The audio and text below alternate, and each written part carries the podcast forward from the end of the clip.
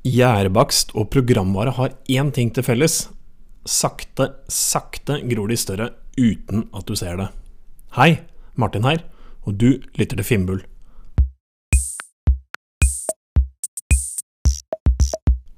Jeg uttalte en gang at det problemet der er som gjærbakst. Det ligger helt stille når man ser på det, men gjennom natten vokser det seg dobbelt så stort. Du har selvfølgelig bakt før, selvfølgelig har du det. Og du har selvfølgelig også opplevd at gjærbaksten du har satt, har hevet seg større enn du hadde tenkt. Litt tilsvarende er det med problemer i programvare som du har kjørende i produksjon. Teknisk gjeld i din programvare og dine løsninger, som du kan høre mer om i episode tre av Finnbull, er som gjærbakst. Selv uten at du tar i løsningene, vil eksisterende problemer og teknisk gjeld over tid føre til at de kommer ut av kontroll. Man går tom for diskplass, databaser går fulle, loggfiler som hoper seg opp, eller supportsaker i kø. Problemene er like gjerne administrative eller merkantile som tekniske. Jeg skal ikke trekke metaforer lenger enn nødvendig, fordi jeg er svært dårlig til å illustrere et poeng. I enhver løsning er det alltid problemer, alltid noe som skulle vært gjort, alltid noe som ikke fungerer som det ideelt sett burde. Og disse problemene øker i omfang over tid. Du får flere kunder, du får flere brukere, du får flere ansatte, og ansatte kommer og går. Dette fører til at problemene, som nevnt, øker over tid uten at du rører ved dem. Hvis du er som meg, så elsker du å automatisere ting. Sånn er det også i løsningene du har i drift. Det meste kan og bør automatiseres, men det betyr ikke at man skal automatisere alt, alltid. La meg gi noen eksempler.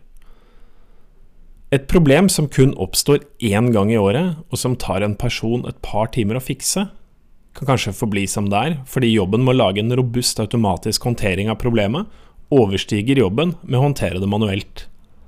På den andre siden, et problem som oppstår daglig, og som fører til at man binder opp verdifull tid på problemløsning, gjør at man sjelden får hodet tilstrekkelig over vannet til å arbeide med nye, verdiskapende aktiviteter.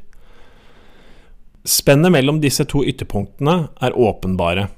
Det første kan forbli som det er, mens det siste bør man ta tak i rotproblemet og løse. Men mellom disse to ytterpunktene er det en stor gråsone, og det er her alle tvilstilfellene befinner seg. Isolert sett er kanskje mange små problemer hver for seg ikke noe problem, men i sum stjeler det kanskje mye tid, og det er her gjærbakstmetaforen melder seg. Plutselig en dag så hører du fra et utviklingsteam at de syns at throughput av nye verdiskapende oppgaver går tregt. Det brukes for mye tid på feilretting eller manuelle oppgaver. Tidstyver som i sum blokkerer verdiskapende aktiviteter. I en slik situasjon er det lett å bli problemorientert, og her er ordspillet litt tilsiktet. Det er lett å bli stresset av mengden problemer og tidstyver. Det er lett å bli demotivert fordi man er tynget ned av ikke-verdiskapende aktiviteter. Og I en slik situasjon så skal du huske dette. Problemer som øker, er et resultat av vekst. Vekst som følger av at du har fått nye kunder, nye brukere, at løsningene dine brukes, og forhåpentligvis at virksomheten går bra. Hvis ingen hadde brukt løsningene dine, ville det heller ikke vært problemer i driften som økte over tid. Ingen kunder som kontaktet kundeservice.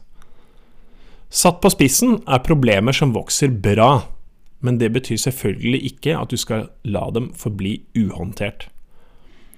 Problemer som vokser skal håndteres på lik linje med andre verdiskapende aktiviteter og oppgaver. En enkel kartlegging av hva vi bruker tid på, hva som er mest kritisk, hva som har høy risiko, vil gi et godt utgangspunkt for å lage tiltak for å ta ned den tekniske gjelden, altså slå ned gjærbaksten. Ikke alle tiltak bør gjennomføres, men man starter med ett, to, tre prioriterte tiltak og evaluerer effekten. Har det blitt bedre? Har vi færre tidstyver? Får vi bedre throughput av nye oppgaver? Nye verdifulle, verdiskapende oppgaver? Dette er en nyttig øvelse man ideelt sett bør gjøre regelmessig, gjerne som en del av et retrospektiv, altså en retro som jeg må lage en egen episode om. Det skal være slack og rom for å håndtere tidstyver og teknisk gjeld. Tusen takk for at du lytter til Finnbull. Vi høres.